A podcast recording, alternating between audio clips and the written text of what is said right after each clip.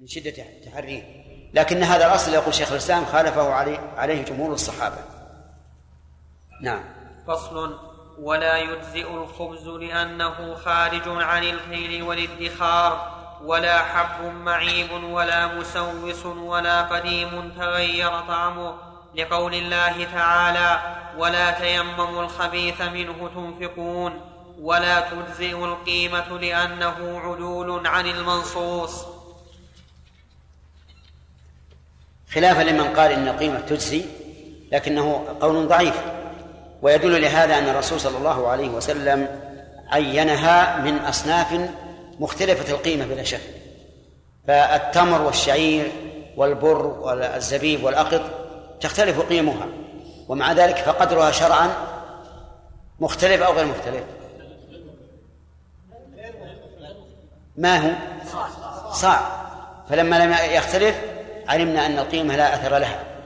ثم إنه لو قل لو قيل بإخراج القيمة لم تكن من الشعائر لأنها تكون حينئذ خفية ولا يعلم بها. ثم لو قيل بالقيمة أيضا فمن يقدر القيمة؟ ربما يحاب الإنسان نفسه فيقدر الصاع بدرهم وهو يساوي درهمين مثلا. لذلك لا ينبغي العدول عما جاءت به الشريعة وهو الصاع. الصاع مما يطعم نعم. والصاع خمسة أرطال وثلث بالعراقي وهو بالرطل الذي وزنه ستمائة درهم. ست. سم. ستمائة بالرفع.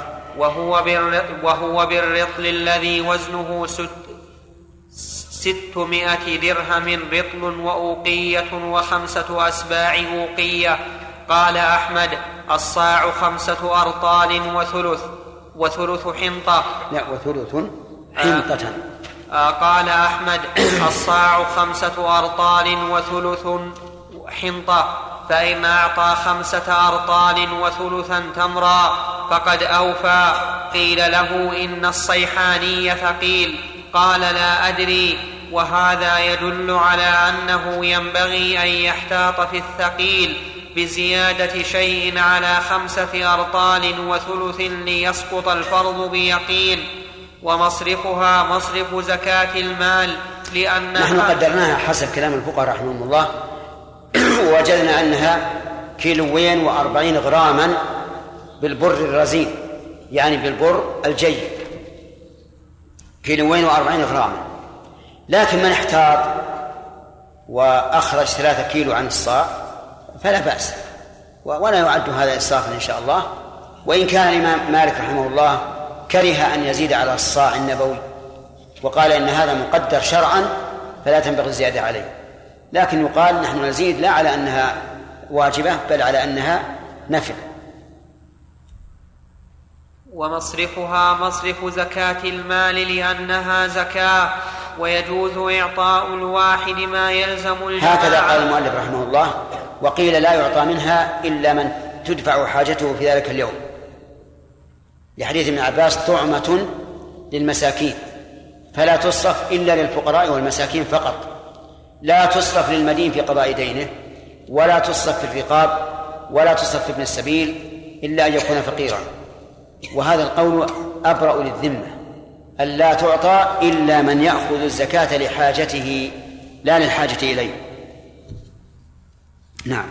ويجوز إعطاء الواحد ما يلزم الجماعة كما يجوز دفع زكاة مالهم إليه. وإعطاء الجماعة ما يلزم الواحد كما يجوز تفرقة ماله عليهم.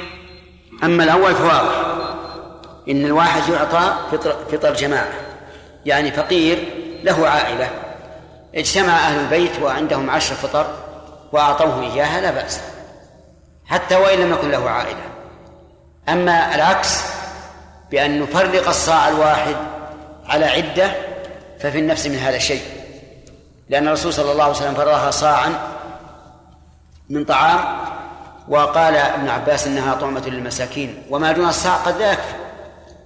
نعم لو قيل يجوز تفريق الصاع على جماعة بشرط أن لا ينقص عن إطعامهم ذلك اليوم لكان لا بأس به.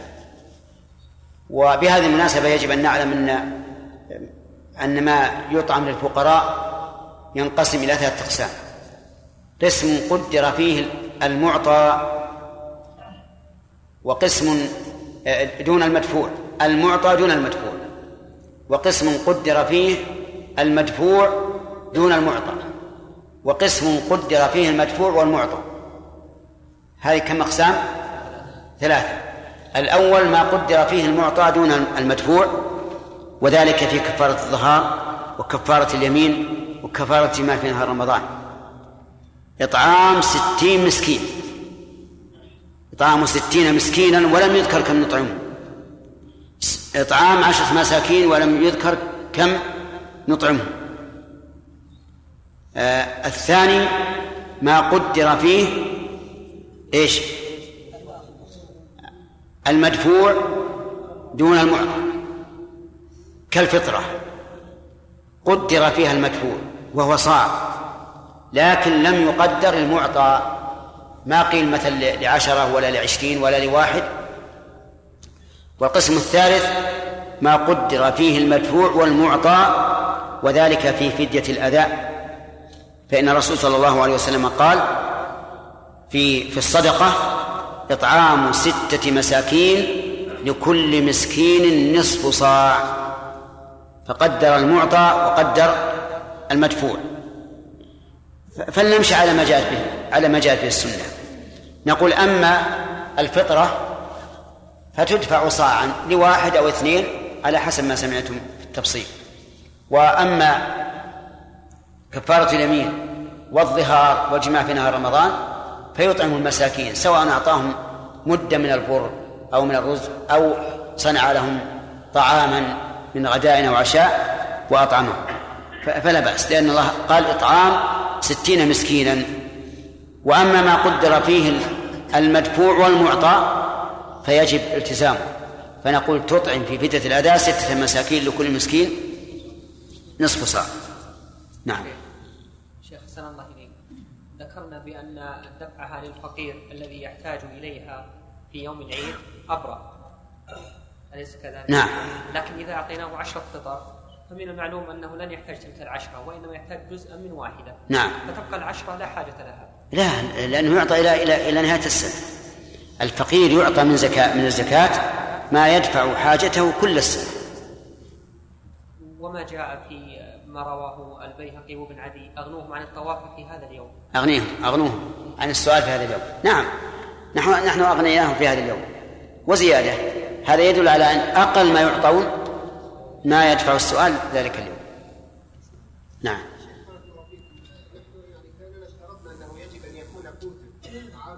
نعم نعم أنا فيما ارى الناس ان الثمر ليس بكل بل كل الاصناف مع الثمر ليس بكل بمعنى لا يتفوت منه يعني لا الرز.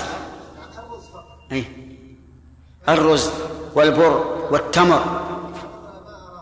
ما يمكن في الجزائر مو لا لا. مع القهوة لا لا. هذه هذه عند بعض الناس صحيح. لكن عند كثير من الناس هو قوت. أي نعم اي نعم شيخ بارك الله فيك قلنا ان الافضل اعطاء اعطاء اعطاء الفقير الانفع فكثير من الناس القائلين بجواز القيمه القيمه هي الانفع نعم. وهذا كثير من البلدان. إي. لكن هل هل الدراهم مما نص عليه؟ هل هو طعام؟ الحديث طعام. وهذه من حكمة الشرع أنه يعطى طعام. لأنه ربما يأتي في يوم من الأيام الطعام أحب للفقير من الدراهم. وربما يعطي الفقير دراهم ويذهب يشتري بها أشياء آه، غير مفيدة. نعم. ثلاث ثلاثة. ها؟ ما أدري انتهى نعم أما بعد فقد قال الموفق أبو محمد رحمه الله تعالى في كتاب الكافي في كتاب الزكاة باب إخراج الزكاة والنية فيه.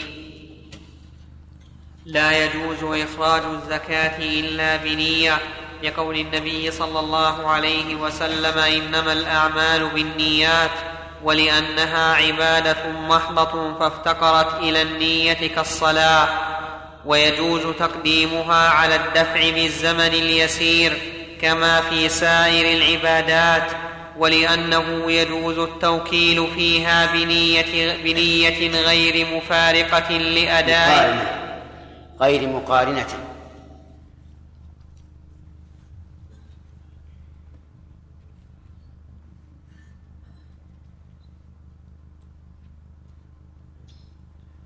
ولأنه يجوز التوكيل فيها بنية غير مقارنة لأداء الوكيل ويجب أن ينوي الزكاة والصدقة الواجبة. أو الصلاة.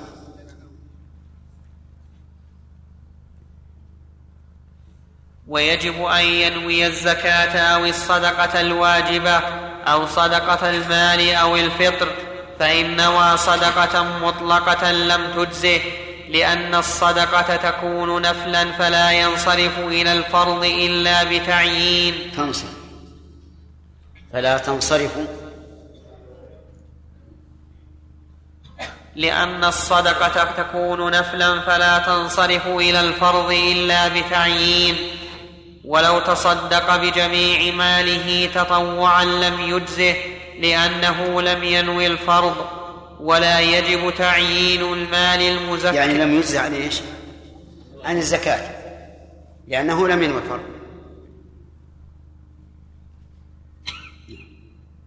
ولا يجب تعيين المال المزكى عنه. فإن كان له نصابان فأخرج الفرض عن أحدهما بعينه أجزأه لأن التعيين لا يضر. وإن أطلق عن أحدهما أجزأه. أنا لا يضره. عندكم لا يضر بدونها نعم. لا بأس. إن جعلتموها نسخة. تبين. لأن التعيين لا يضره وإن أطلق عن أحدهما أجزاء فمن المسألة هذه عنده نصابان. فأخرج الفرض من من أحدهما بعينه. يعني لا لا من الآخر فلا بأس. لأنه لا يشترط أن تكون من نفس المال.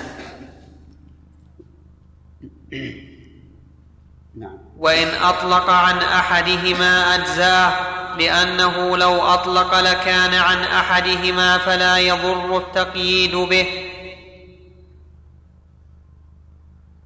وإن نوى أنه إن كان الغائب سالما فهو زكاته وإلا فهو عن الحاضر صح وكان على ما نوى. وإن نوى أنه زكاة أو تطوع لم يصح لأنه لم يخلص النية للفرض. وإن نوى أنه زكاة مالي وإن لم يكن سالما فهو تطوع صح لأنه هكذا يقع فلا يضر التقييد به. ولو نوى إن كان أبي قد مات فصار ماله لي فهذا زكاته لم يصح لأنه لم يبن على أصل. وإن نوى عن ماله الغائب فبان تالفا ولو نوى نعم. صحيح؟ لا بأس. إن نوى. وإن, نوى عن ماله الغائب فبان تالفا لم يكن له صدقة إلى الحاضر. صرف لم يكن له صرف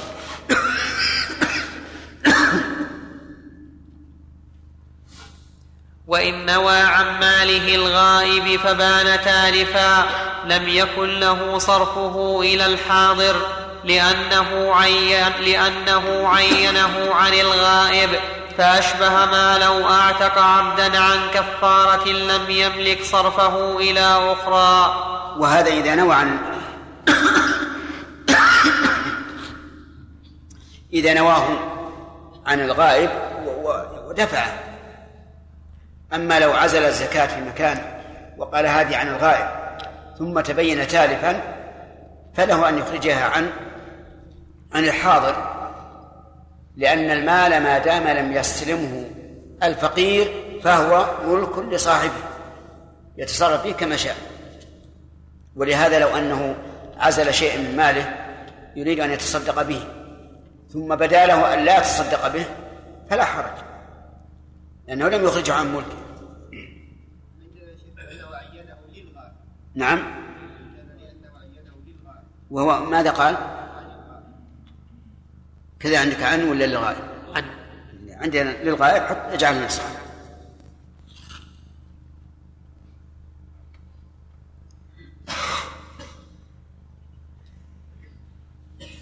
فصل. وإذا وكل في إخراج الزكاة ونوى عند الدفع إلى الوكيل ونوى الوكيل عند الأداء جاز وإن نوى الوكيل ولم ينوي الموكل لم يجزه لأنها فرض عليه فلم يجزه من غير نية وان نوى الموكل عند الدفع إلى الوكيل ولم ينوي الوكيل عند الدفع. فقال أبو الخطاب يجزئ لأن الذي عليه الفرض قد نوى ويحتمل أنه إن نوى بعد الأداء من الدفع. لم يجزه لأن الأداء حصل من غير نية قريبة ولا مقارنة. نعم. لأن. لأن؟ لأن الأداء. لأن الأداء. عندكم لأن الدفع حصل. وأنت عندك لأن الأداء. أداء. أي أنا عندي عندي لأن الأداء لا بأس تجعل نسخة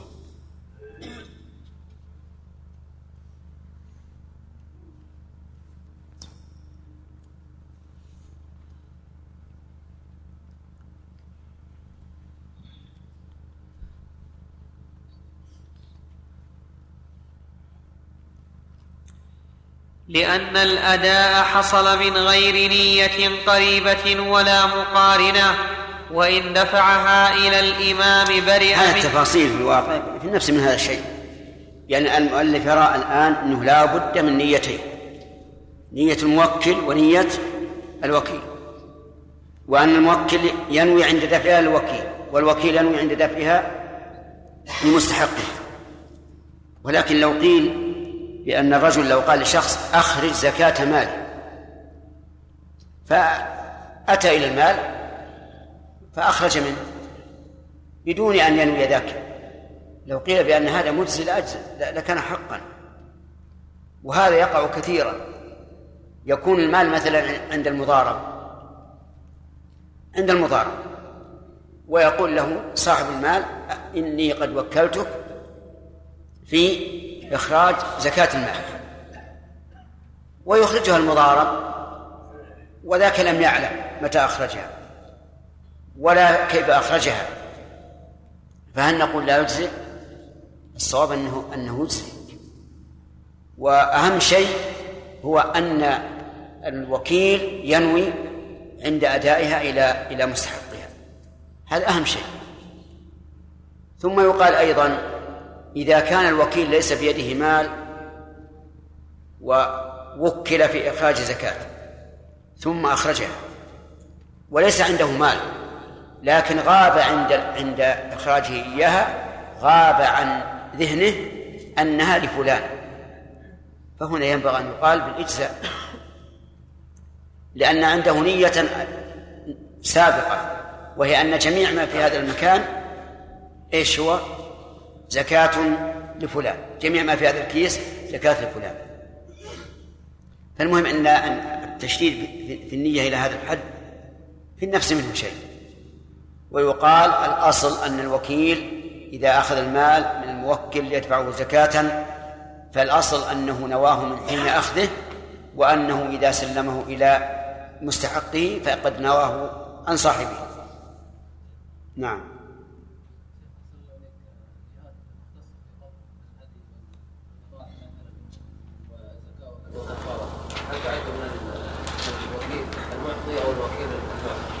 لا الظاهر ان هذه الجهات الموكلة أنها نائبة عن عن الفقراء وأن الإنسان إذا سلمها لهم برئ منها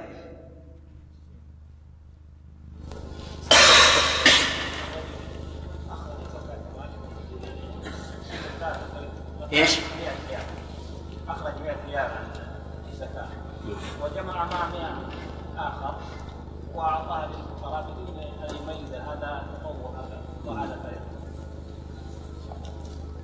يعني معناها ان الوكيل عنده آه، عدة صدقات. ها. نعم. طيب. ها. نعم. نعم. تطوع. اي لا بأس. الظاهر إنه لا بأس إن شاء الله. لا بأس. هي لأن قد تشكل إذا اجتمع عند الإنسان زكوات متعددة وخلطها جميعا فهل نقول لابد أن تعين عند الدفع أن فلان له عشرة من له عشرة من عشرين أو عشرة من خمسة عشر أو ما أشبه ذلك؟ أو يقال إنه لا بأس. أما إذا فنقول أما إذا كان وكيلا عن الفقراء مثل الجمعيات الخيرية الآن فلا بأس. أن تخرج الزكاة من المجموع عن الجميع. وأما إذا كان وكيلا لشخص معين فلا شك أنه قد يكون هناك حرج في أن يقدر مثلا زكاة كل شخص بعينه. ويضطر هنا إلى أن يجمعها جميعا ويخرج. والله سبحانه وتعالى يعلم نصيب كل واحد منه. نعم.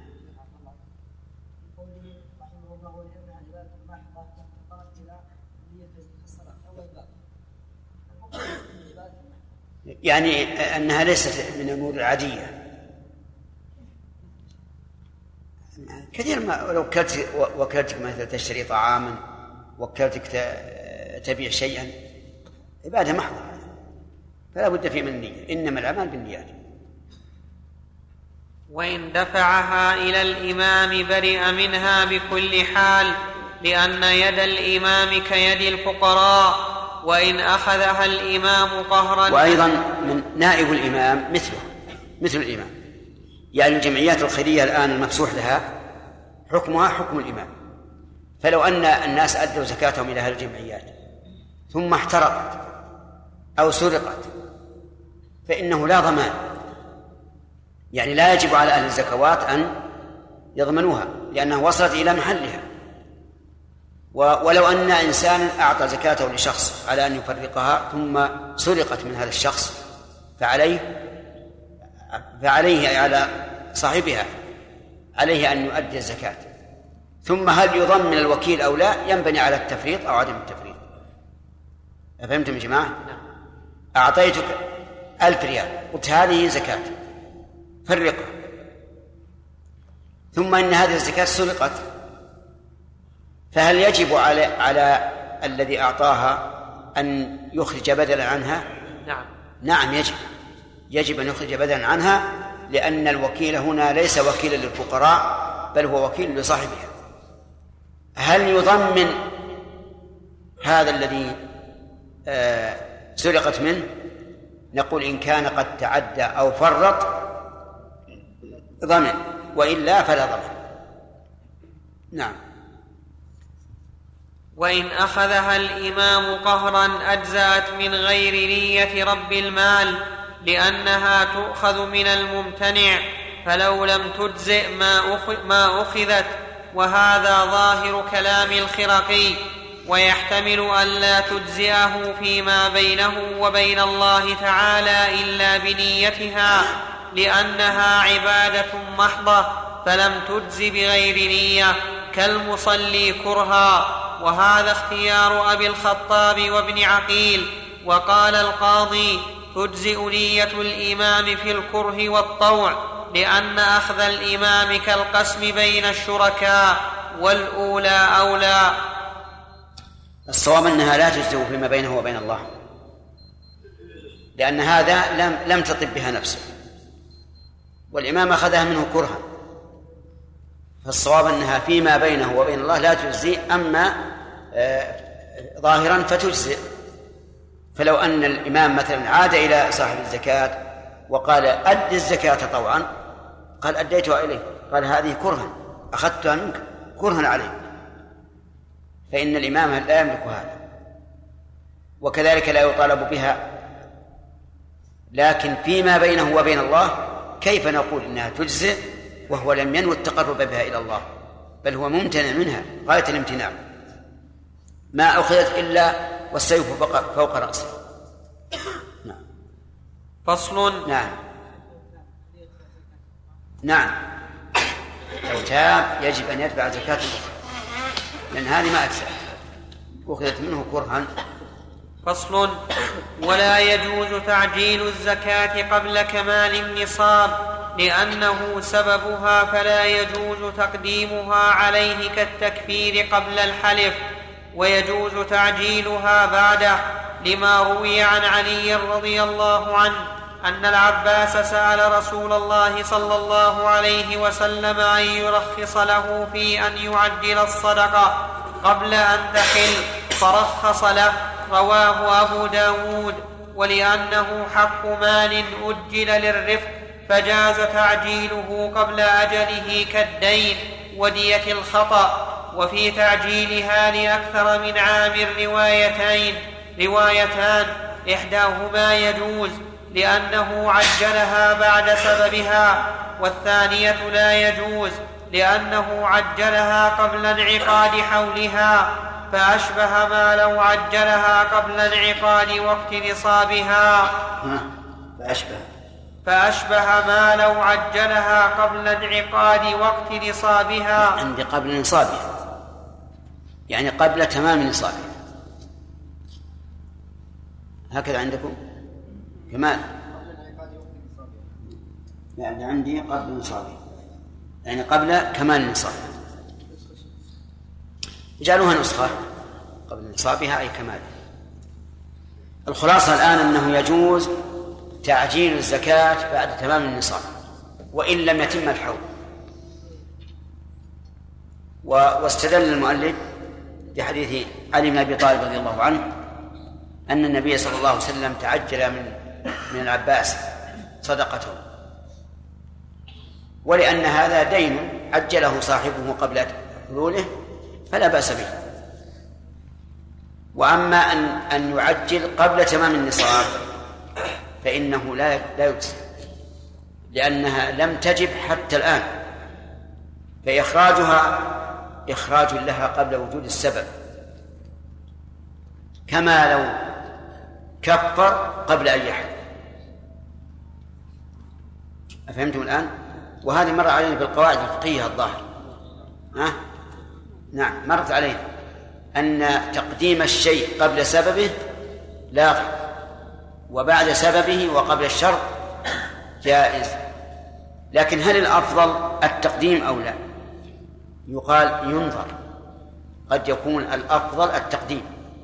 كما لو حدث في الناس مجاعة. أو أن أحد من الناس احتاج حاجة خاصة. فإن هنا الأفضل التعجيل. أما إذا لم يكن هناك سبب فتأخيرها حتى تجب أولى ليكون الإنسان على يقين من من, من وجوبها. نعم. لأن عبد الرحمن. ما إذا زاد المال يخرج زكاة ما, ما زاد. شيخ بارك الله فيكم إذا نقص ما جاء السؤال؟ السؤال ما جاء. وراه ما جاء يا شيخ من أنا زمان نسأل أحسب نصف صفحة. ها؟ ثلاث أرباع صفحة نصف صفحة. إيش؟ أقول نحسب ما بعد جاء وقت السؤال. لا لا. سأل كم واحد؟ أي سألوا لأنه مضى الوقت. يعني مضى قراءة يأتي فيها وقت السؤال لأن السؤال ليس في خمس دقائق أخيرة إي نعم إيه. أي. عموما. السؤال في أثناء الآن خلاص قطعت القول كله يلا كمال. بارك الله فيكم إذا كان يعني جاء يعني عجل زكاته السنة الثانية في السنة الأولى جاءت آفة فأذهبت ماله. أو صرف ماله في يعني هل يبقى الزكاه التي اخرجها ما ما يرجع فيها. ما يرجع فيها؟ اي نعم. في عام آخر إذا حصل له مال مثلا. نعم. إذا حصل له مال في عام آخر في المستقبل. نعم. فهل يحسب لا لا ما يحسب. لأن قبل قبل تمام النصاب. تنقلب تكون تطوع. نعم. هذه نجسة. إذا تغير بالنجاسة فهو نجس. ينزحونه ينزحون هذا الماء. أولا يخرجون الفأرة منه ثم ينزحونه حتى يزول الريح.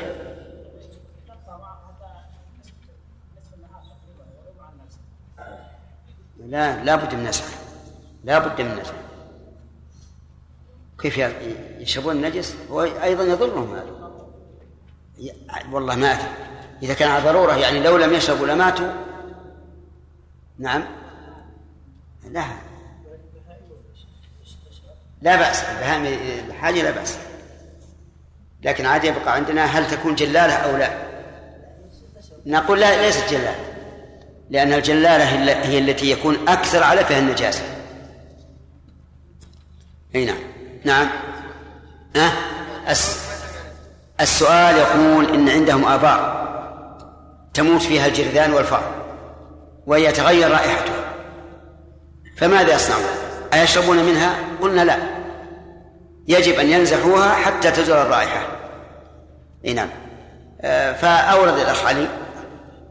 قال إذا كانوا يريدون آه، إسقاء البهائم. نقول لا بأس بها نعم.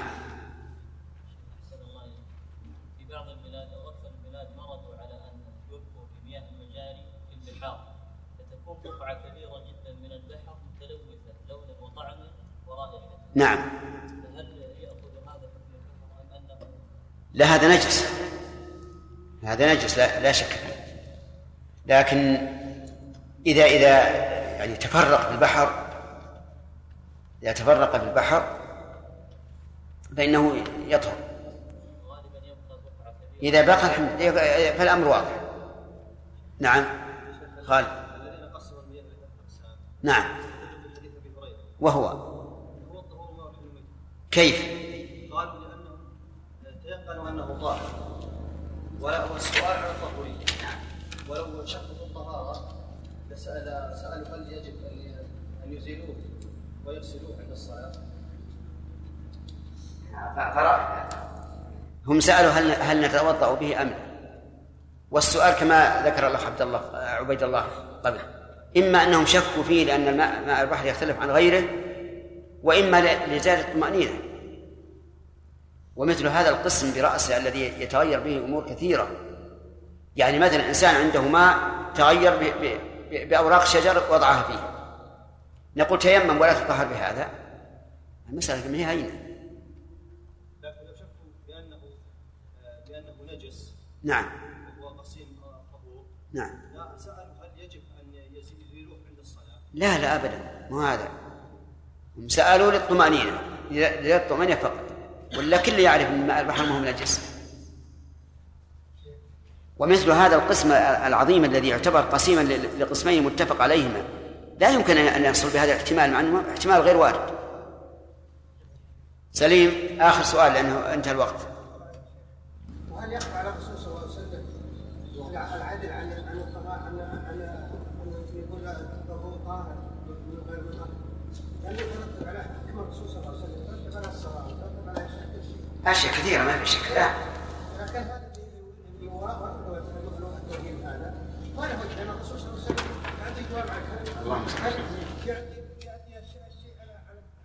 أي نعم. لا من المسائل الكبار لابد أن يكون فيها نص من هينه وهذا نظير ما ما ذكره الفرضيون في مسألة الجد والإخوة. هذه التفاصيل التي ما أنزل الله بها من سلطان لو كانت من شريعة الله لوجدت في الكتاب والسنة. نعم. أما بعد فقد قال الموفق أبو محمد رحمه الله تعالى في كتاب الكافي.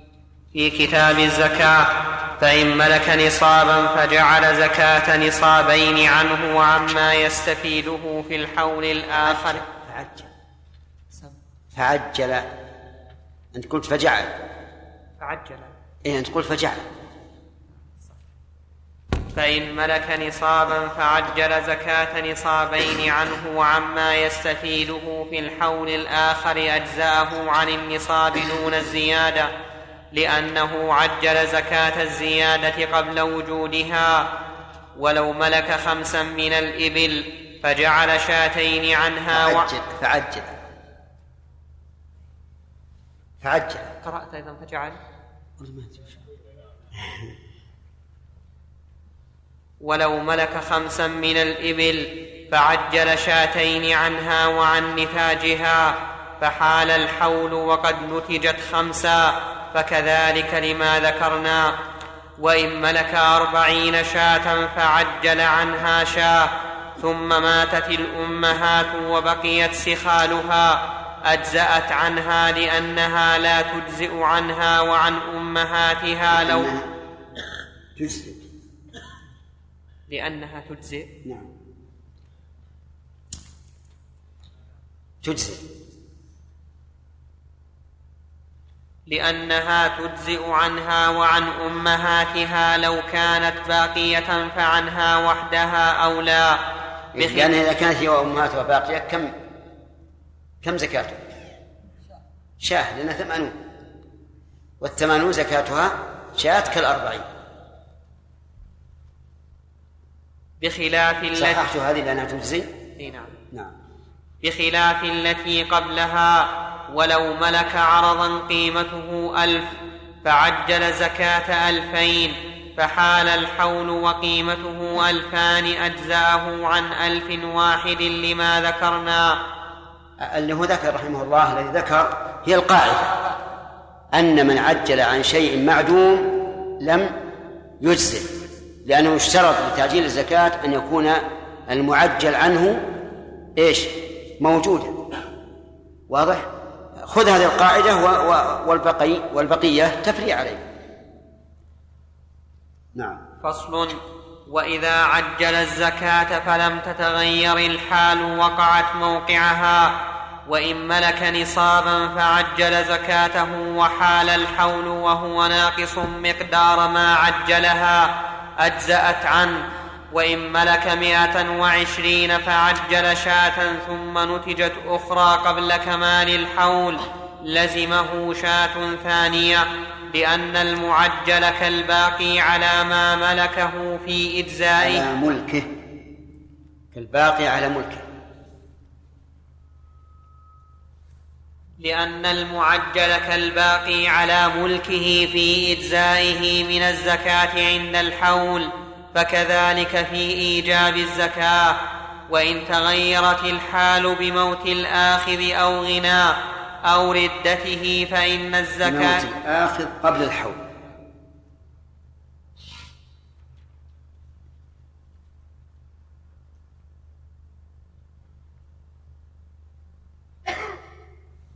وإن تغيرت الحال بموت الآخذ قبل الحول أو غناه أو ردته فإن الزكاة تجزئ عن ربها وليس له ارتجاعها لأنه أداها إلى مستحقها فبرئ منها كما لو تلفت عند أخذها أو استغنى بها.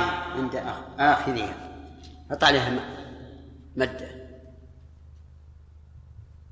كما لو تلفت عند آخذها أو استغنى بها فأما إن تغيرت حال رب المال بموته أو ردته أو تلف النصاب أو بعضه أو بيعه أو حالهما معا فقال أبو بكر فقال أبو بكر والقاضي الحكم كذلك. لأنه دفعها إلى مستحقها فلم يملك الرجوع بها كما لو لم يعلم. وقال ابن حامد إن لم لو لم يعلمه.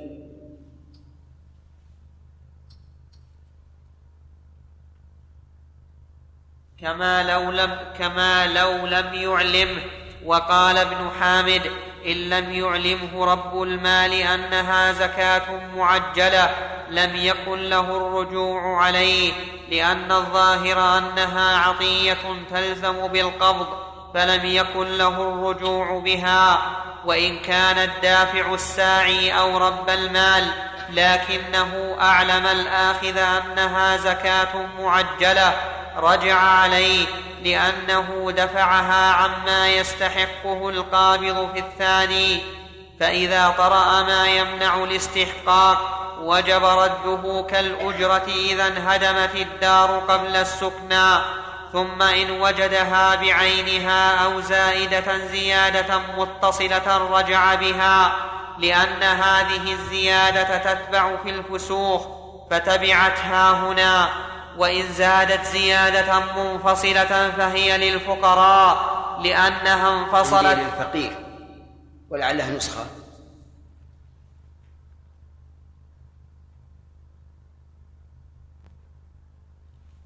وإن زادت زيادة منفصلة فهي للفقير لأنها انفصلت في ملكه وإن نقصت لزم الفقير نقصها. لأنه ملكها بقبضها فكان نقصها عليه كالمعيب وإن تلفت فعليه قيمتها يوم قبضها لأن ما زاد بعد ذلك أو نقص إنما هو في ملك الفقير.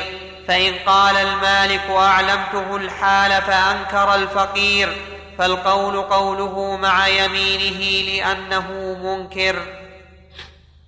هذا التفصيل كله لقول ابن حامد رحمه الله. وهذه وهذا مما يدل على آفة التعجيل. أن لو تغيرت الحال فماذا يصنع؟ إنسان عجل الزكاة ثم افتقر. هل يرجع على الفقير أو لا يرجع؟ فيها الخلاف الذي سمعته. ولذلك كان الأفضل أن لا يخرج الإنسان زكاته إلا إذا تم الحول. ووجبت الزكاة.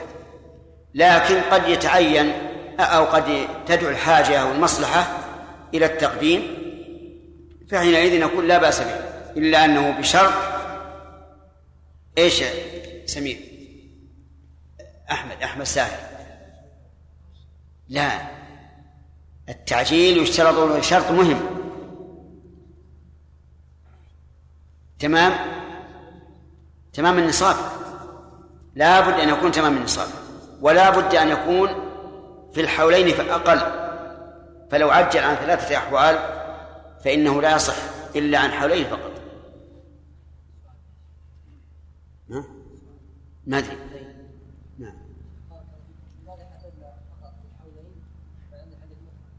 أين حديث؟ صدقة سنتين. أي نعم جاء نعم.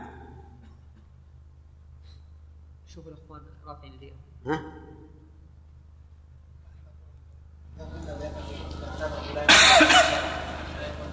لا يتصرف. يتصرف لكن يرجع عليه. نعم. يكون كالقرض أو, أو كالعين التي تبين أنه يستحقها فصل. ولو عجلها إلى غني فافتقر عند وجوبها لم يجزه لأنه لم يعطها لمستحقها. وإن عجلها فدفع. مع أنه حين الوجوب كان مستحق. مستحقا لها. لكن عند التعجيل غير مستحق. غني. نعم. وإن عجلها فدفعها إلى مستحقها ثم مات المالك. فحبسها الوارث عن زكاته لم يجزه. حسب. تصحيح تقديم السين على الباء. أقول تصحيح. إيه تصحيح.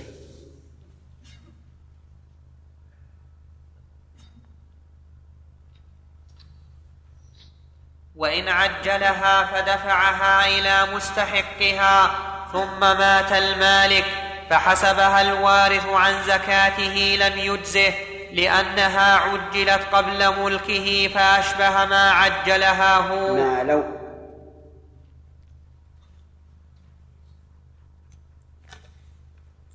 فأشبه ما لو عجلها هو. وإن تسلف الإمام الزكاة فهلكت في يده لم يضمنها وكانت من ضمان الفقراء سواء سأله رب المال أو الفقراء. أو لم يساله الجميع لأن يده كايديهم وله ولايه عليهم بدليل ان له اخذ الزكاه بغير اذنهم فاذا تلفت من غير تفريط لم يضمن من كون غير تفريطه.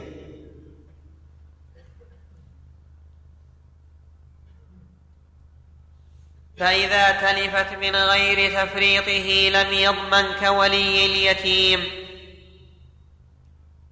واضح.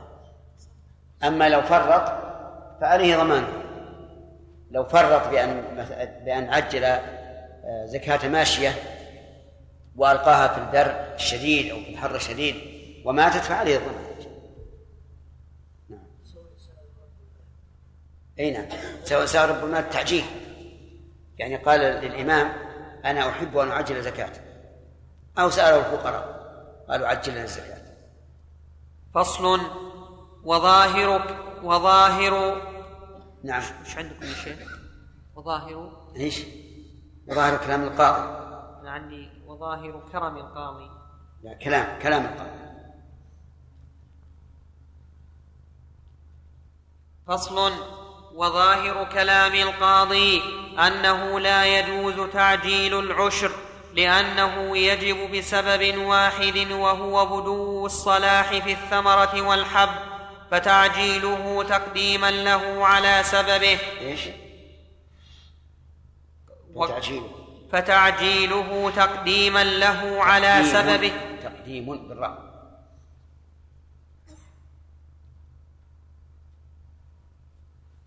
فتعجيله تقديم له على سببه. وقال أبو الخطاب يجوز تعجيله إذا ظهرت الثمرة وطلع الزرع ولا يجوز قبله لأن وجود ذلك كملك النصاب وبدو الصلاح كتمام الحول. وأما المعدن والركاز فلا يجوز تقديم صدقتهما قولا واحدا.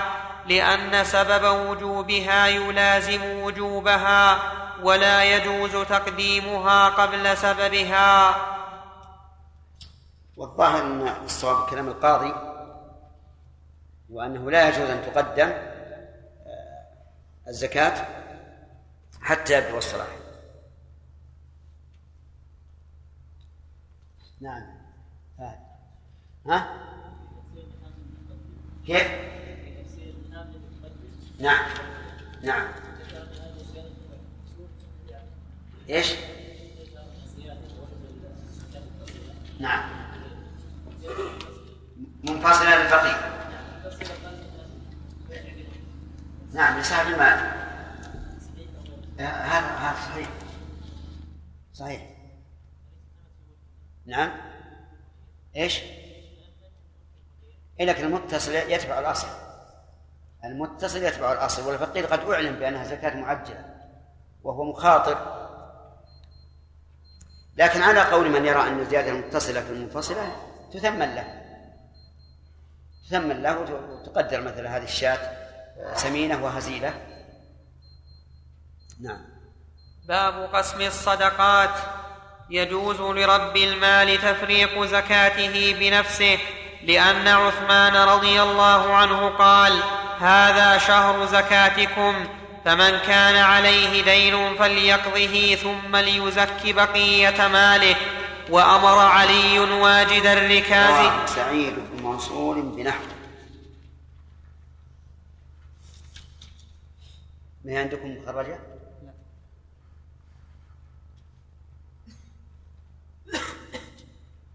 رواه سعيد بن منصور.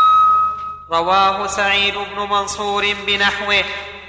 وأمر علي واجد الركاز أن يتصدق بخمسه وله دفعها إلى الإمام عدلا كان أو غيره لما روى سهيل بن أبي صالح قال أتيت سعد بن عن أبي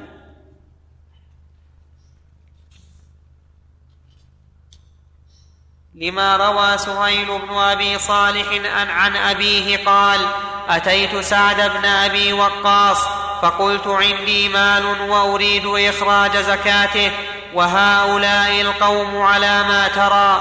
فقال ادفعها إليهم. فأتيت ابن عمر وأبا هريرة وأبا سعيد فقالوا مثل ذلك.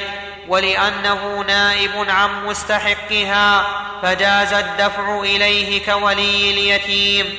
قال أحمد أعجب إلي أن يخرجها وذلك لأنه على ثقة من نفسه ولا يأمن من السلطان أن يصرفها عندي غيره ولا يأمن السلطان. نسخة. ولا يامن السلطان أن يصرفها إلى غير مصرفها. عندنا في في غير مصر نسخة.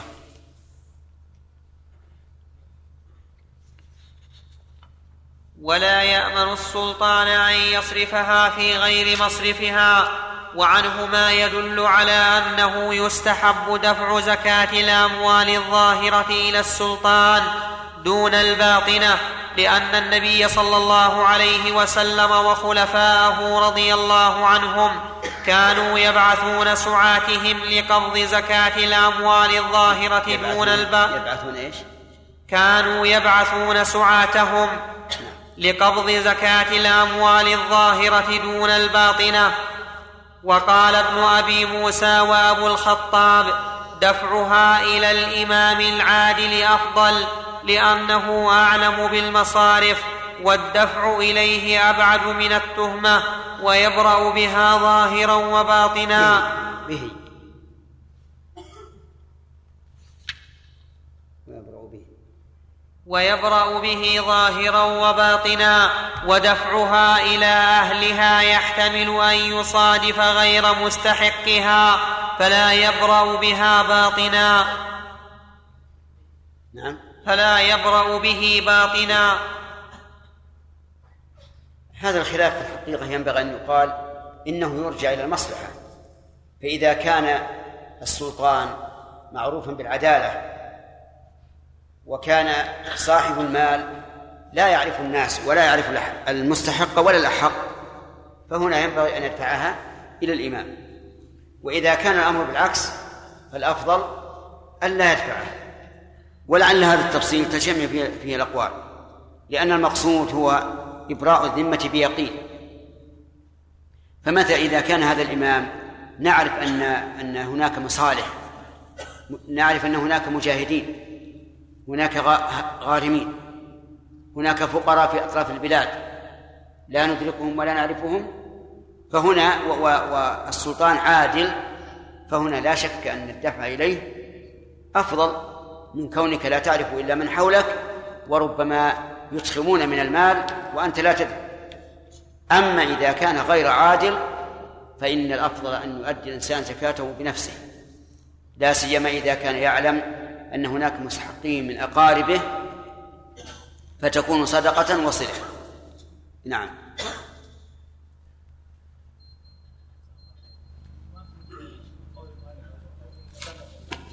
نعم.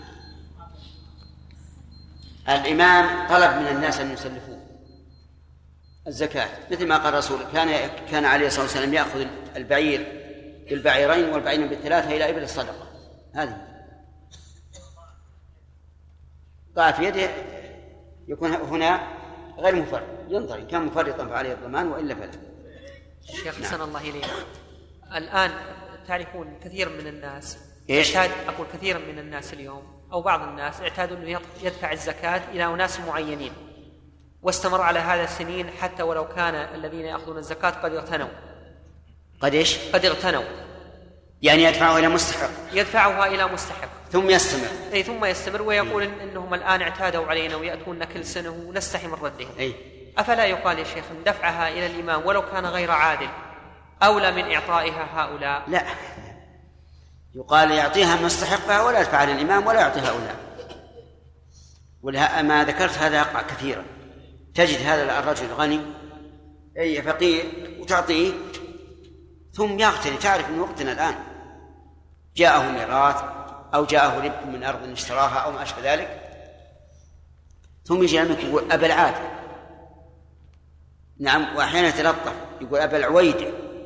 نعم. نقول لا ما نعطيش ما نعطيش ونعظه ونقول اتق الله. ولا نعطيه. زعل ولا ما زعل. لكن إن كان قريبا وخيف أن يكون في ذلك قطيعة رحم فأعطيه من ماله من باب الصلة. ويخلف يخلف الله عليك. شيخ بارك الله فيكم. من المعلوم أن الزوجة ليس عليها أن تنفق على زوجها إن كان فقيرا. فهل يجوز لها أن تؤدي زكاتها إلى زوجها؟ من المعلوم أن الزوجة إذا كانت غنية. إذا كانت غنية وزوجها فقير. يجب عليها لأنه وارث. ترث زوجها وقد قال الله تعالى وعلى الوارث مثل ذلك. من الاساس غير صحيح أي نعم. ولكن هذا على رأي ابن حزم. ولكن لا الذي تراه هو الحق. لكن ابن حزم على ظاهريته يقول إذا كانت الزوجة غنية والزوج فقير يجب عليها أن تنفق عليه. الصحيح أنه لا يجب عليه. لكن إذا كان لها زكاة فتعطيه من زكاتها نعم هذا القول الراجح. ولهذا لما أمر النبي عليه الصلاة والسلام بالصدقة أتته امرأة عبد الله بن مسعود. وقالت يا رسول الله إن عبد الله بن مسعود زعم أنه هو وولده أحق من تصدقت عليه. قال نعم. زوجك وولدك أحق من أحق من تصدقت عليه.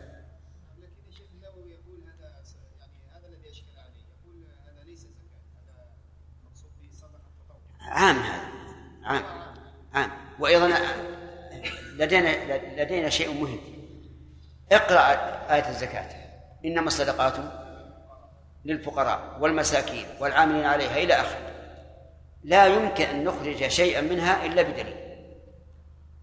فمثلا إذا كان الزوج فقيرا وزوجه غنية وعندها زكاة أليس داخلا في اسم الفقراء هل يجب عليها أن تنفق عليها حتى نقول إنها تعطيها الزكاة لتوفر مالها لا.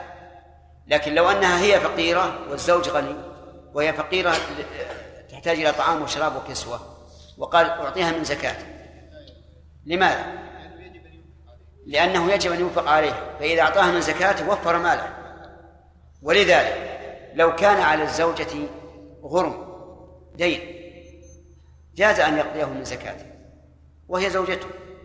أو كان مثلا إنسان له أب عليه دين والابن غني وينفق على أبيه و و ولم يجد نقص الأب في الإنفاق لكن عليه دين سابق مثلا وأراد الابن أن يقضي دين أبيه من زكاته يجوز لأنه لا يجب عليه أن يقضي دين والده فإذا قضاه فإنه لم يوفر ماله.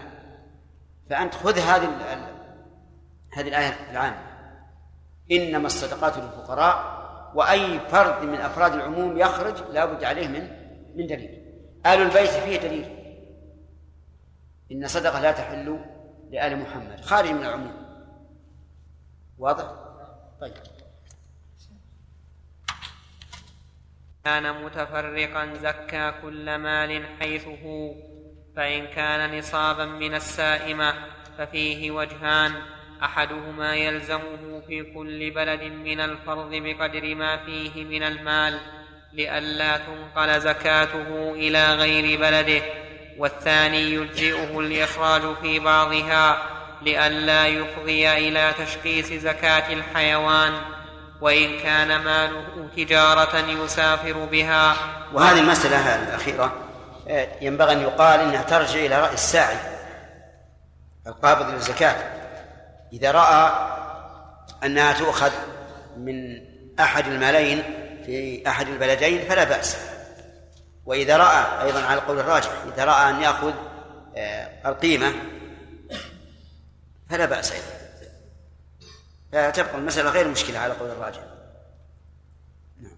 وإن كان ماله تجارة يسافر بها قال أحمد رضي الله عنه يزكيه في الموضع الذي أكثر مقامه فيه وعنه يعطي بعضه في هذا البلد وبعضه في هذا. وقال القاضي يعطي زكاته حيث حال حوله لأن المنع من هذا يفضي إلى تأخير الزكاة. وإن كان ماله في بادية فرق زكاته في أقرب البلاد إليها. قول القاضي جيد أنه يخرجه في المكان الذي تجب عليه الزكاة فيه. ما دامت عنده فإذا وجبت عليه الزكاة مثلا وهو في المدينة وهو من أهل مكة وعنده مال في المدينة ومال في مكة يخرجه في المدينة. ولا بأس حتى لا يتضرر بالتأخير أو بنقل الزكاة نعم. فصل. إذا احتاج الساعي إلى نقل الصدقة استحب أن يسم الماشية لأن النبي صلى الله عليه وسلم كان يسمها ولأن الحاجة تدعو إلى ذلك لتمييزها عن غنم الجزية والضوال. ول... النعم النعم الجزية. تصحيح شيء لا تحط لنا نسخة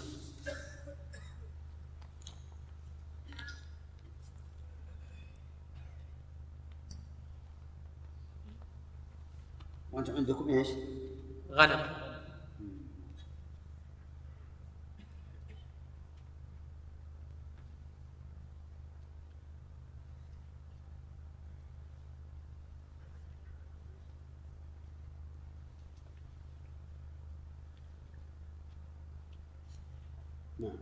ولأن الحاجة تدعو إلى ذلك لتمييزها عن نعم الجزية والضوال ولترد إلى مواضعها إذا شردت ويسم الإبل والبقر في أصول أفخاذها لأنه موضع صلب يقل ألم الوسم فيه وهو قليل الشعر فتظهر السمة فتظهر السمة ويسم الغنم في آذانها. فيكتب فيكتب عليها لله أو زكاة وإن وقف من الماشية شيء في الطريق. أفهمتم الآن الوسم معناه أن الإنسان يحمي حديدة على النار ثم يكوي بها المكان الذي يريد أن يسم فيه. وهو إن كان فيه إيلام لكن فيه حفظ للأموال. فدل ذلك على أن إيلام الحيوان من أجل حفظه لا بأس به. ومنه ما يفعله بعض بعض الناس الذين يشترون الحمام. الذين يشترون الحمام لا بد أن ينتفوا قوادمها من الأجنحة حتى لا تطير لأنها إذا اشتراها الإنسان فإنها سوف تطير إلى المكان الذي كانت تألفه من قبل. فيقصون القوادم ينتفونها نتفا ينتفون القوادم حتى تألف البيت لأنها لا تستطيع الطيران. تألف البيت ثم بعد ذلك آه، تخرج تنبت من جديد. لكن لو قصوها يقولون لو قصوها ما نبتت. بقيت مقصوصة ولا عاد تستطيع الطيران. فالمهم أن مثل هذا التعذيب إذا كان للمصلحة فلا بأس به. وإذا كان يجوز يجوز لنا أن نجر السكين على أوداجها ونزهق روحها لمصلحتنا فهذا مثله لكن نتحرى الأسهل فالأسهل. ولكن الوسم يقول يكتب عليها لله. كيف نكتب عليها لله؟ يعني تضع ميسة مكتوب بشكل الله بدون همزة الوصل فإذا ضربته على على فخذ على فخذ البعير ظهر. ختم. ها؟ ختم. كيف؟ كالختم. أي نعم ظهر لله. زكاة. أيهن أسهل زكاة أو لله؟ لله. لله أسهل لكن فيها مشكلة لله. قد تكون من ابن الفيء. لأن لله تصلح للزكاة وللفيء. فالذي يخصص ويعين إيش؟ زكاة, زكاة. ونشوف الحروف في الله ثلاثة. وفي زكاة أربعة.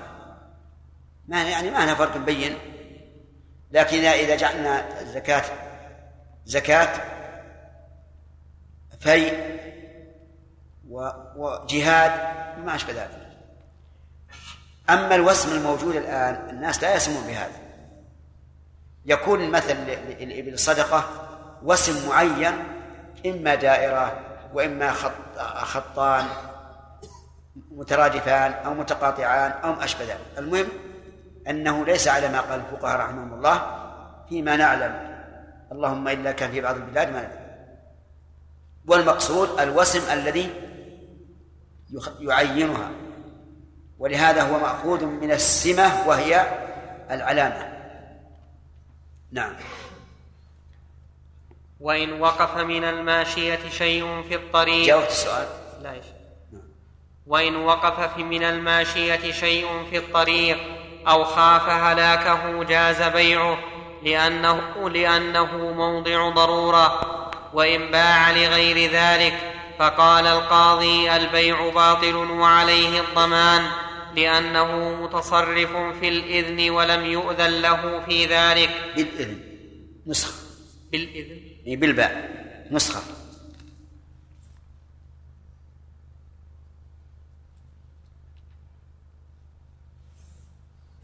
ويحتمل الجواز. عندنا أصح. الباء أصح من فيه لأن حقيقة ما تصرف بالإذن. إنما تصرف بالإذن. نعم. يعني السببية؟ أي نعم. الباء السببية.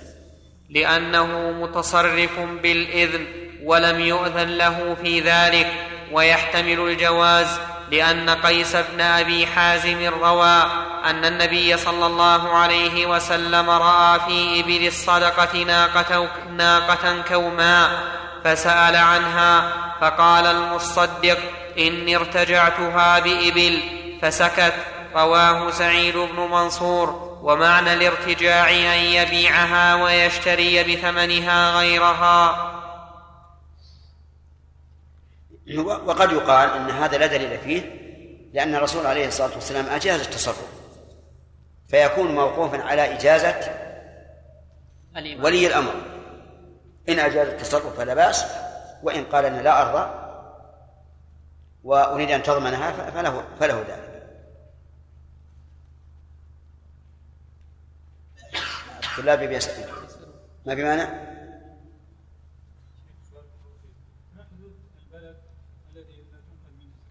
مسافة القصر. أي معلوم تدخل على كل حال. ما في شك.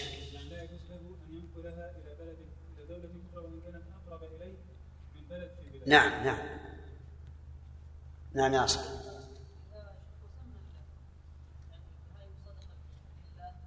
لا ما نكتب ما نكتب صدقة لله. ليش؟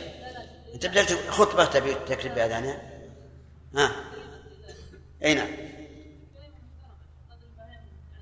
إيش؟ آه طيب. لكن هذه لمصلحة ولا قصة ال- الإهانة. ثم هي في الفخر ما هي يعني لما محل يعني لا حتى لو بركات فهي مرتفعة. نعم. لا البول طاهر نعم نعم لابد من النار لابد يكون في النار ولا اذا وجد نقول اذا وجد يعني حفر ما يخرج لا الحبر يزول. الحبر يزول. إذا إذا إذا وجدنا شيء نستغني به عن النار فهو أحسن. ها؟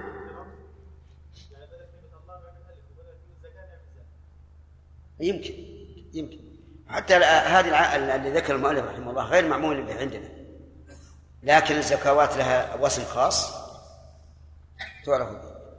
باب ذكر الأصناف الذين تدفع الزكاة لهم وهم ثمانية ذكرهم الله تعالى في قوله إنما الصدقات للفقراء والمساكين. نعم إنما إنما الصدقات للفقراء والمساكين والعاملين عليها والمؤلفة قلوبهم وفي الرقاب والغارمين وفي سبيل الله وابن السبيل فريضة من الله. والله عليم حكيم. ولا يجوز بعد أن صرفها ذكر الله الأصناف قال فريضة من الله. فما موقفنا من هذه الكلمة؟ أن نقول سمعا وطاعة.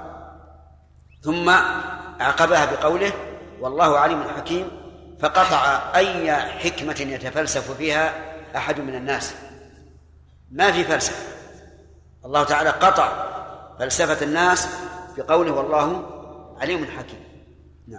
ولا يجوز صرفها إلى غيرهم من بناء مساجد أو إصلاح طريق أو كفن ميت لأن الله تعالى خصهم بها بقوله إنما وهي للحصر تثبت المذكور وتنفي ما عداه. صحيح هذا استدلال جيد.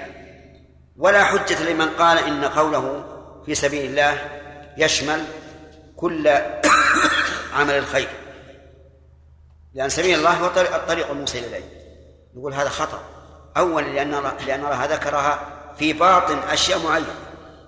يعني لو كانت في الآخر قلنا تعميم بعد تخصيص أو في الأول قلنا تخصيص بعد تمييز أما أن يذكرها في جوف المستحقين ويقول في سبيل الله فهذا يدل على أنها على أن المراد بسبيل الله هنا شيء خاص وهو الجهاد في سبيل الله. وأيضا لو قلنا سبيل الله عام لكل خير لكان لكان ذكر الحصر إيش؟ لغوا لا فائدة منه. فالصواب ما ذكره المؤلف رحمه الله. وكما قلنا قبل قليل لا عبرة بفلسفة متفلسف بعد قول الله عز وجل والله عليم حكيم. ثم إن في هذا أيضا إذا قلنا بهذا القول تضييق على أهله على الفقراء وتضييق لسبل الخير الأخرى. لأن كثيرا من الناس قد يغلبه الشح ويقول أبني مسجد بزكاتي وأستريح. فيكون في هذا تضييق لطرق الخير وتضييق على الفقراء لأن بناء المسجد سهل لكن صرف للفقراء يحتاج إلى تعب. أول البحث عن حال الإنسان هل هو فقير ولا غير فقير ثم من يتولى الصرف؟ من يتولى الحساب؟ لهذا مع كونه مخالف مخالفا للآية هو أيضا فيه ضرر على المستحقين. أعني القول بأن كلمة في سبيل الله عامة. نعم. ولا إيش؟ لأن الله تعالى خصهم بها وقوله إنما وهي بالحصر وليس بقوله لأن الله تعالى خصهم بها وقوله إنما لا لا بقوله بقوله. صح. ولا يجب تعميمهم بها وعنه يجب تعميمهم والتسوية بينهم وأن يدفع من كل صنف إلى ثلاثة فصاعدا لأنه أقل الجمع إلا العامل لأن ما يأخذه أجرة فجاز أن يكون واحدا. وإن تولى الرجل إخراجها بنفسه سقط العامل وهذا اختيار أبي بكر لأن الله تعالى جعلها لهم بلام التمليك وشرك بينهم بواو التشريك فكانت بينهم على السواء كأهل الخمس والأول المذهب لأن النبي صلى الله عليه وسلم قال لمعاذ أعلمهم أن عليهم صدقة تؤخذ من أغنيائهم فترد في فقرائهم. أمر بردها في صنف واحد وقال لقبيصة لما سأله في حمالة أقم حتى تاتينا الصدقة فنأمر لك بها وهو صنف واحد. وأمر بني بياضة بإعطاء صدقاتهم سلمة بن صخر وهو واحد. فتبين بهذا أن مراد الآية بيان مواضع الصرف دون التعميم. ولذلك لا يجب تعميم كل صنف ولا التعميم بصدقة ولا التعميم بصدقة واحد إذا أخذها الساعي بخلاف الخمس. نعم. والقول الأول لا شك أنه خطأ أنه يجب التعميم لأن المراد بالآية ذكر الأجناس ليس ذكر الأشخاص فهو كأنه قال هذه هي الأجناس. وإذا صرفها في جنس واحد فلا بأس. ثم السنة واضحة ظاهرة في أنه يجوز الاقتصار على صنف واحد.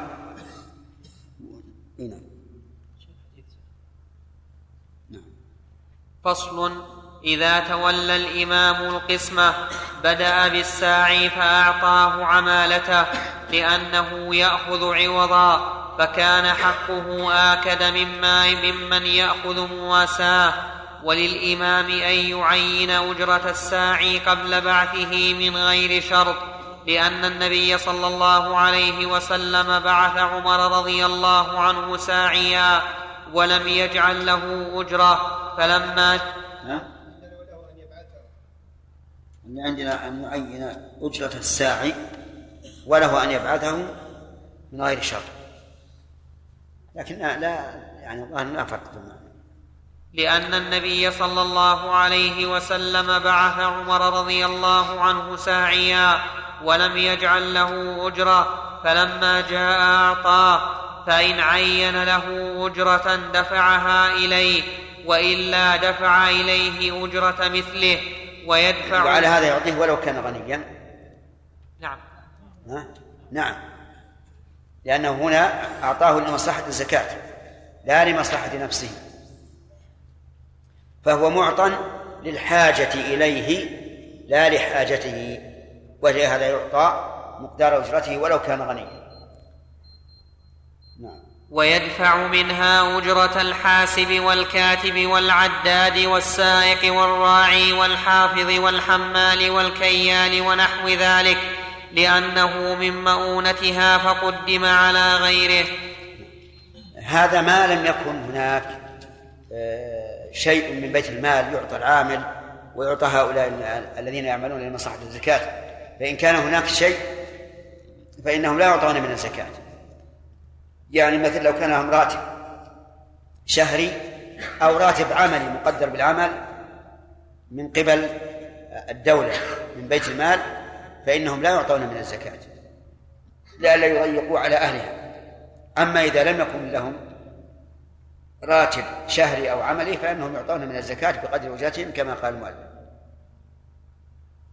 نعم. سؤال. اسم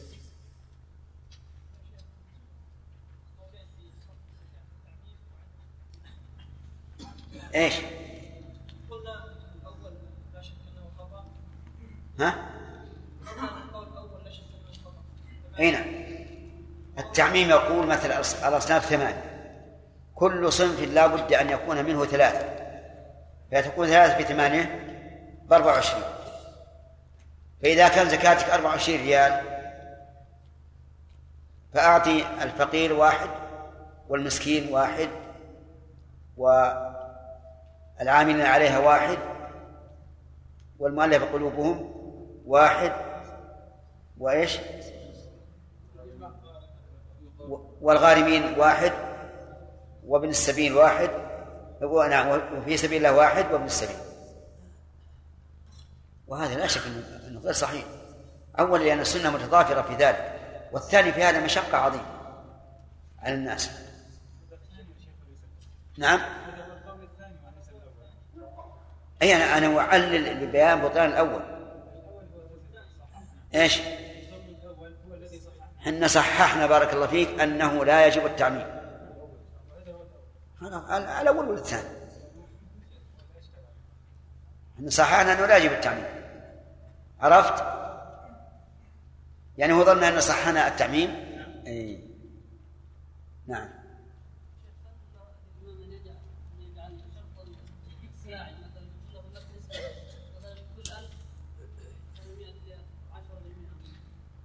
إذا كان هذا أجرة مثل لا بأس. يعني للس للإمام أن يقول الساعي لك عشرة في المئة أو خمسة في المئة بشرط أن يكون هذا أجرة مثل نعم نعم سمير.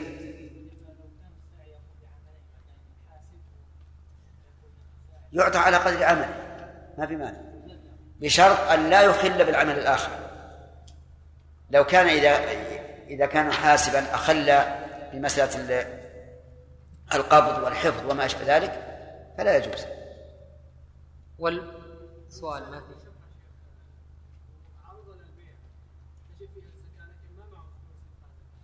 لا لا. الشقة اللي يعرضها البيع ما فيها زكاة. يعني الإنسان ساكن شقة وبعدين طابت نفسه منها. لا للتجارة لازم. ينتظر حتى يبيع يقدر القيمة الآن ويقيدها وإذا باع أخرجها.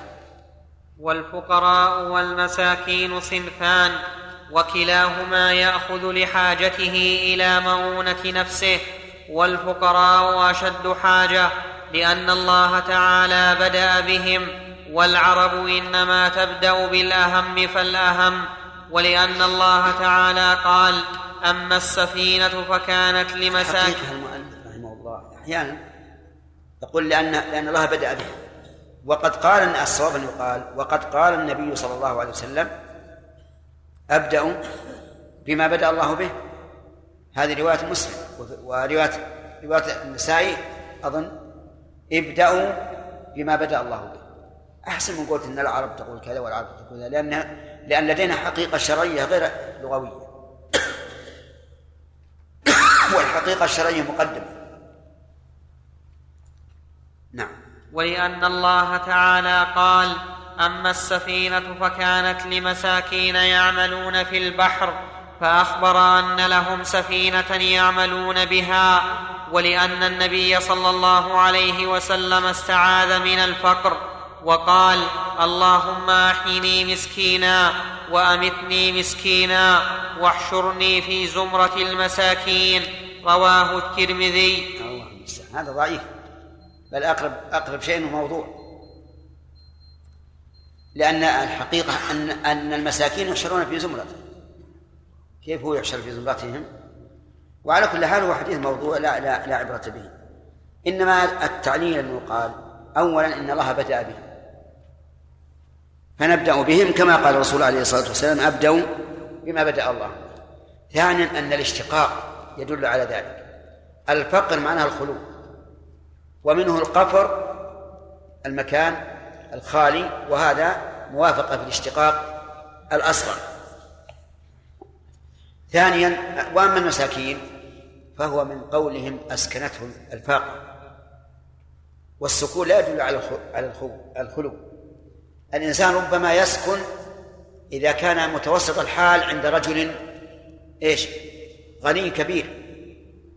فلذلك كان مادة الفقر مادة المسكنة تدل على أن الفقير أشد أشد حاجة. نعم. فدل على انتهى الوقت شيخ. انتهى الوقت. سمعت الساعة؟ لا. طيب.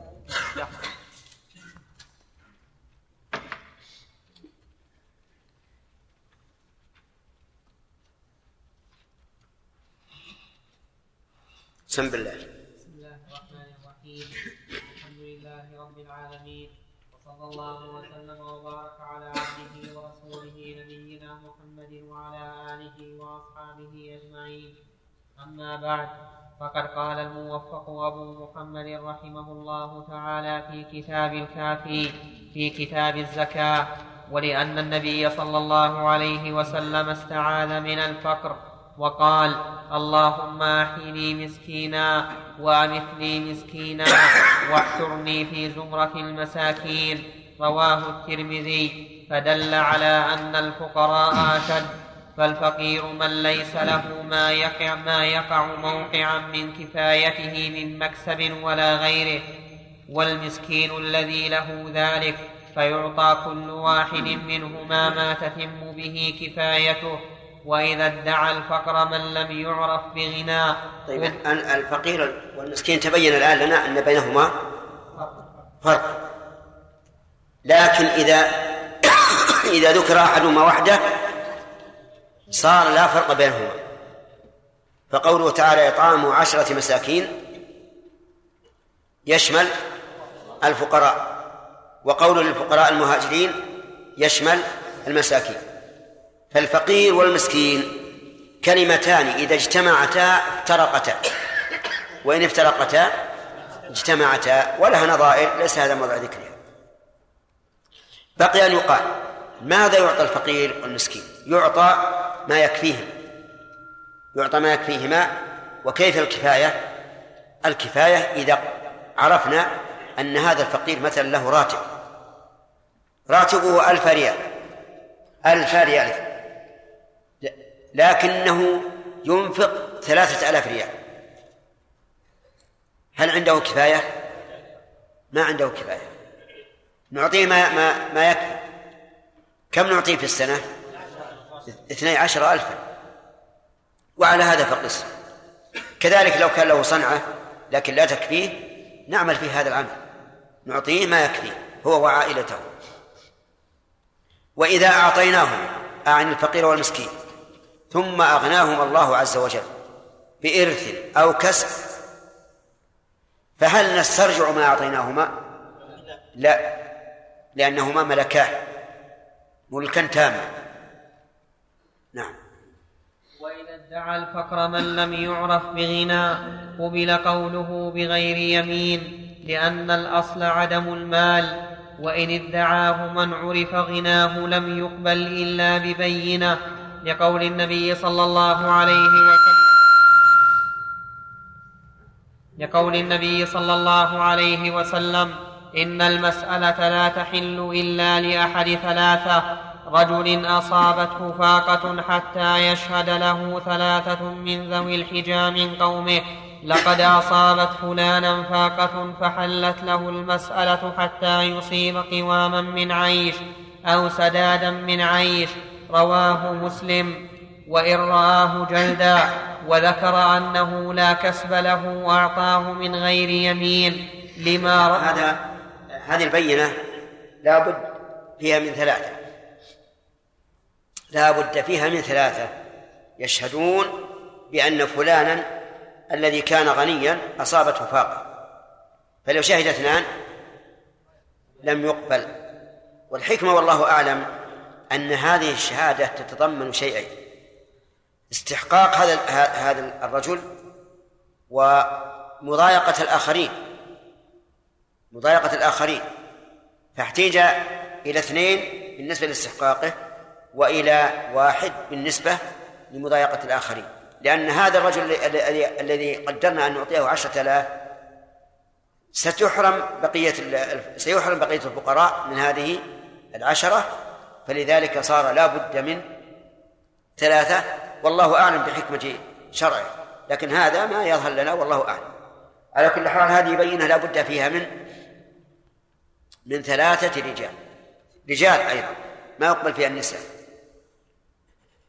فيه أيضا بينة لا بد فيها من أربعة رجال. وهي الشهادة على الزنا.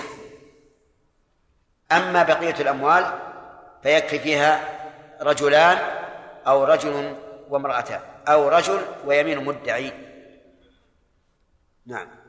وإن رآه جلدا وذكر أنه لا كسب له وقول من ذوي الحجة ما هو الحجة؟ الحجة العقل. يعني الذين عندهم عقل وإدراك. ليس ذوي العواطف الذي يعطف على هذا لأنه ابن أخيه أو لأنه عمه أو ما أشبه ذلك. لا رجل عاقل لا يشهد لأحد إلا وهو يستحق. نعم. وذكر أنه لا كسب له أعطاه من غير يمين لما روى عبيد الله بن علي بن الخيار أن رجلين أتيا رسول الله وهو يقسم الصدقة فسألاه شيئا فصعد بصره فيهما وصوبه وقال لهما صعد يعني رفع وصوبه نزل. نعم. وقال لهما إن شئتما أعطيتكما ولا حظ فيها لغني ولا لقوي مكتسب. رواه أبو داود. وإن ادعى أن له عيالا فقال القاضي وهذا طبعا إذا إذا إذا وثق منه. هذا إذا وثق منه. أما إذا لم يثق منهما ورأى عليهما علامة الكذب ورأى عليهما علامة الكذب فإنه لا يلزمه أن يأخذ بقولهما لأنه في عهد الرسول عليه الصلاة والسلام إذا قال للرجل لا حظ فيها لغني ولا لقوي مكتسب أيظن أحد أحد من الناس أنهم سوف يقولون آه ليس أغنياء؟ هذا بعيد من الصحابة لكن في وقتنا الحاضر قد يؤول يقول نعم لا حظ فيها لغني ويريد أن يكون غنيا له ملايين الدراهم. نعم؟ وياخذ لهذا لا بد لا بد من قرائن. نعم. وإن ادعى أن له عيالا فقال القاضي وأبو الخطاب يقلد في ذلك كما قلد في حاجة نفسه. كما يقلد. نسخة. يقلد في ذلك كما يقلد في حاجة نفسه. وقال ابن عقيل لا يقبل إلا ببينة لأن الأصل عدم العيال فلا تتعذر إقامة البينة عليهم. وإن كان لرجل دار يسكنها أو دار قول قول ابن عقيل جيد. يعني لو قال أنا نفسي ما علي قاصر لكن عندي عشرة فهذا لا بد من البينة. اللهم إلا إذا كان يتعذر إقامة البينة آه، لكونه رجلا غريبا لا ندري عنه فهذا نصدقه. لكن إذا كان في البلد وقال عندي عشرة عيال أو عشرين ولد نقول لا بد من البينة. نعم. وإن كان لرجل دار يسكنها أو دابة يحتاج إلى ركوبها أو خادم يحتاج إلى خدمته أو بضاعة يتجر بها أو صنعة يستغلها. ضيعة ضيعة. أو ضيعة يستغلها أو سائمة يقتنيها ولا يقوم بكفايته فله. لا تقوم. تقوم تقوم. بالتاء.